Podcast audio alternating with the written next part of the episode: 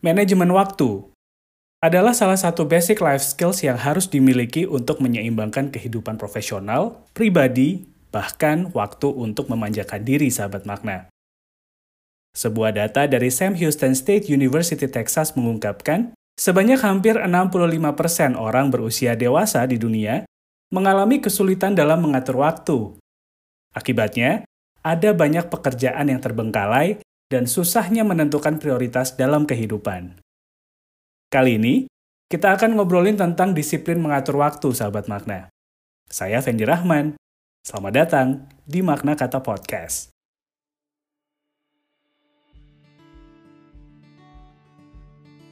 Manajemen waktu adalah sebuah proses merencanakan, mengontrol, dan menggunakan waktu semaksimal mungkin secara efektif dan efisien. Kunci dari kemampuan ini adalah prioritas sahabat makna.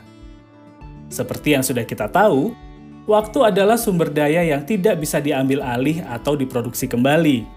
Dengan mengaturnya secara efektif, kamu bisa mengoptimalkan potensi, target, dan fokus secara efisien. Tingkat stres juga menjadi jauh lebih stabil. Karena kamu nggak akan kewalahan dan terburu-buru lagi, sahabat makna kamu juga bisa punya kebebasan waktu yang lebih banyak.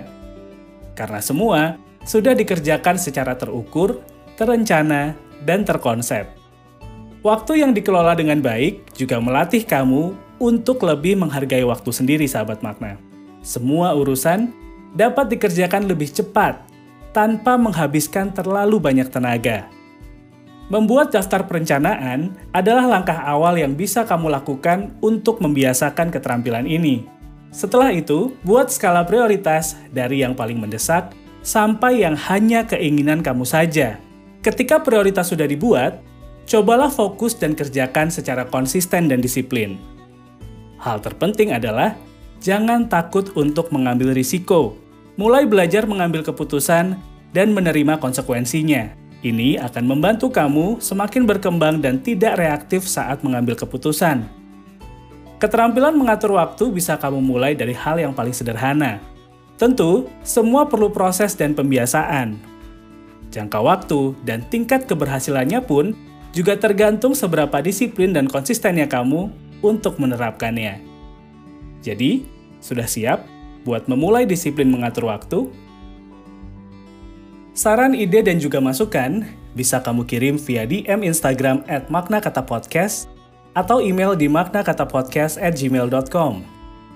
Kamu juga bisa dukung Makna Kata Podcast via saveria.co slash maknakatapodcast atau link di deskripsi podcast ini. Terima kasih sudah mendengarkan Makna Kata Podcast. Fendi Rahman pamit. Kita ketemu minggu depan ya.